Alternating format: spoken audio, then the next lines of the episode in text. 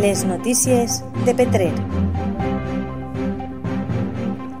Amb Aitor Juan Luz. Hola amics de la teua ràdio, un dia més informant-vos de les notícies més destacades al poble de Petrer.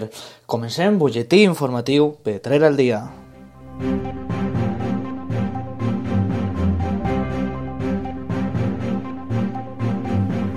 L'Ajuntament ha posat en marxa un operatiu per el que treballen conjuntament amb l'ESPAR, la Mancomunitat del Vinalopó i la Confederació Hidrogràfica del Xúquer, per tal de controlar els advocaments industrials per a millorar la qualitat ambiental al municipi. Segons ha explicat l'alcaldessa del municipi, Irene Navarro, volen garantitzar la preservació de sanitat de Petrer i també continuar per tal d'aconseguir una ciutat més ecològica.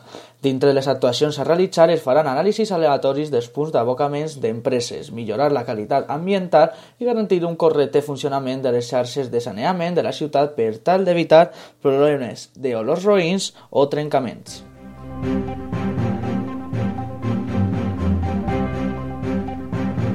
D'altra banda, Serveis Socials posa en marxa el programa Petrer Conectado con los Mayores per a subvencionar el servei de teleassistència.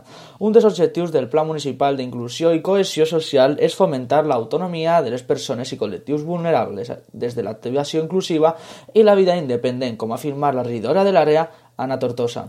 Tortosa ha volgut senyalar que la inversió total en ajudes de serveis socials a l'any 2020 ha sigut de 446.155,35 euros, el que ha suposat duplicar la quantitat de 2019 a causa de la pandèmia.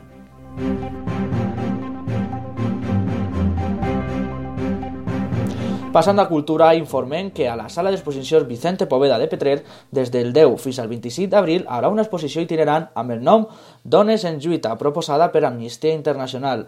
L'horari de visites serà de dijous a dissabte de 6 i mitja a 8 i mitja i els diumenges de 11 i mitja a 1 i mitja.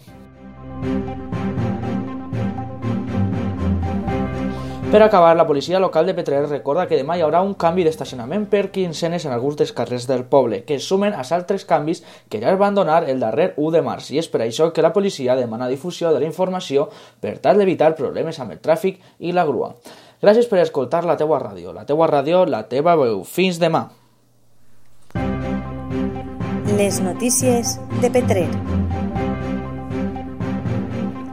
Amb Aitor Juan Luz.